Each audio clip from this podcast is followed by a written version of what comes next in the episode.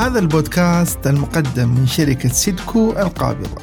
يدور حول المال المال والمال. كيفية إدارة أموالك وكيف تحقق الاستقلال المالي. والأهم من ذلك مساعدتك في تحسين علاقتك مع المال.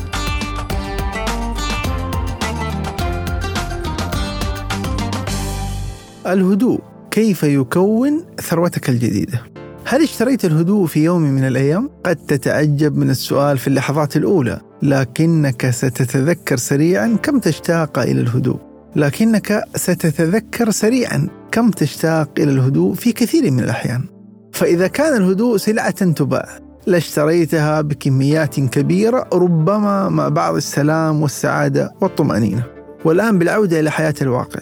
إن كنت لا تشتري الهدوء فعليا وكميا فالعلامات التجارية تبيعك إياه وتسوقه لترويج منتجاتها وخدماتها. بعض الأمثلة تشمل مصنعي سماعات الأذن العازلة للإزعاج، السيارات التي لا تسمع صوت محركاتها أثناء القيادة، صالات ال VIP التي تستخدم الأضواء الخافتة والألوان الهادئة مع موسيقى ناعمة، والأبرز المنتجعات السياحية النائية أو المنتجعات الصحية سبا التي تدعوك إلى الهدوء والاسترخاء في معظم إعلاناتها. فإذا كنت من الذين يشترون الهدوء تعال نستعرض لك فيما يلي خمس نصائح تزيد بها ثروتك المادية والمعنوية من خلال الهدوء.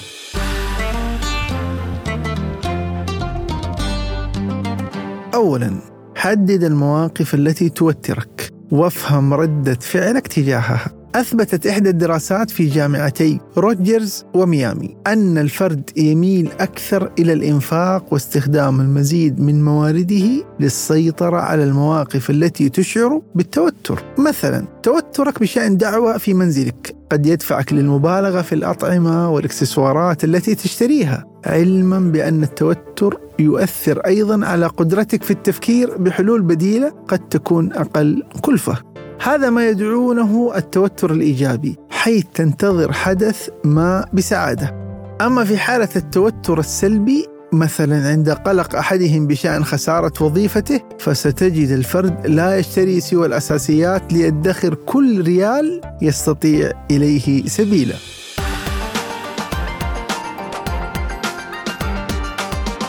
ثانيا اختر بحكمة متى تتكلم عن المال.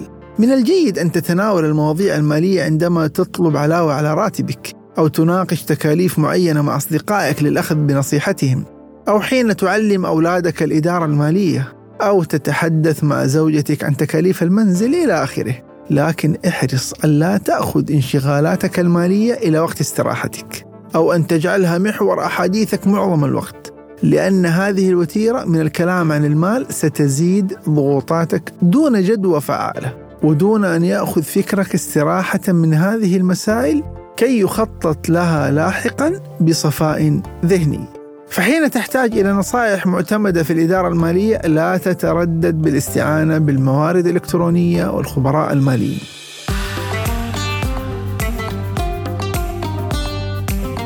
ثالثا زد فرصك في العلم والعمل والعلاقات الاجتماعية. ينعكس الهدوء على ملامح وجهك نبرة صوتك حركة جسدك ما يطلق عليه علماء النفس لغة الجسد.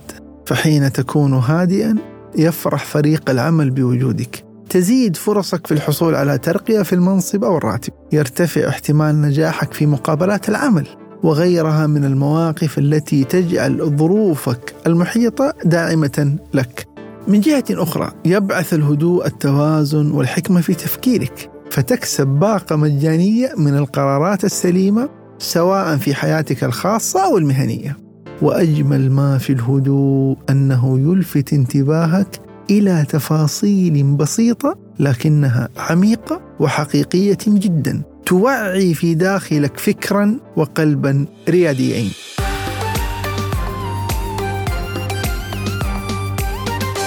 رابعا اجعل الهدوء جزءا من حياتك. لو فكرت بالهدوء كجزء مستقل عن باقي أجزاء حياتك قد تجد السلوك في الهدوء صعبا.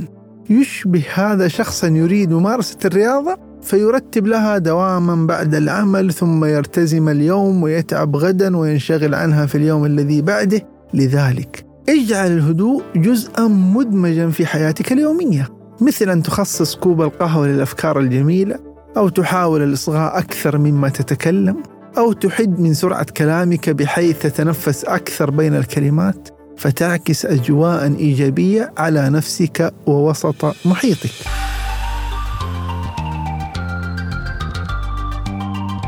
أخيرا لا تهمل التفاصيل المرتبطة بنمط حياتك الصحي كالنوم والطعام السليم وقليل من الحركة. خامسا حافظ على هدوئك بعد كورونا. مع انتشار اللقاحات والسيطرة النسبية على الوباء عادت الشركات والمدارس لتفتح أبوابها وبدأ استعداد البعض للعودة إلى نمط حياتهم قبل كورونا. لكن لا تنسى كيف ساهم الحجر المنزلي في زيادة هدوءك والتخفيف من سرعة الحياة المرهقة جسديا ونفسيا. تمسك بالعادات التي كانت تريحك. ولو كان الأمر على حساب خسارة بعض الأموال. فالصحة الجسدية والنفسية ثروة ثمينة أيضا. يمكنك مثلا تقليل ساعات العمل أو العمل عن بعد بشكل جزئي أو قضاء وقت أطول مع عائلتك في عطلة نهاية الأسبوع. أيا كان الذي يشعرك بالاستقرار الداخلي فلا تنتظر الوقت المناسب وهو قد حان.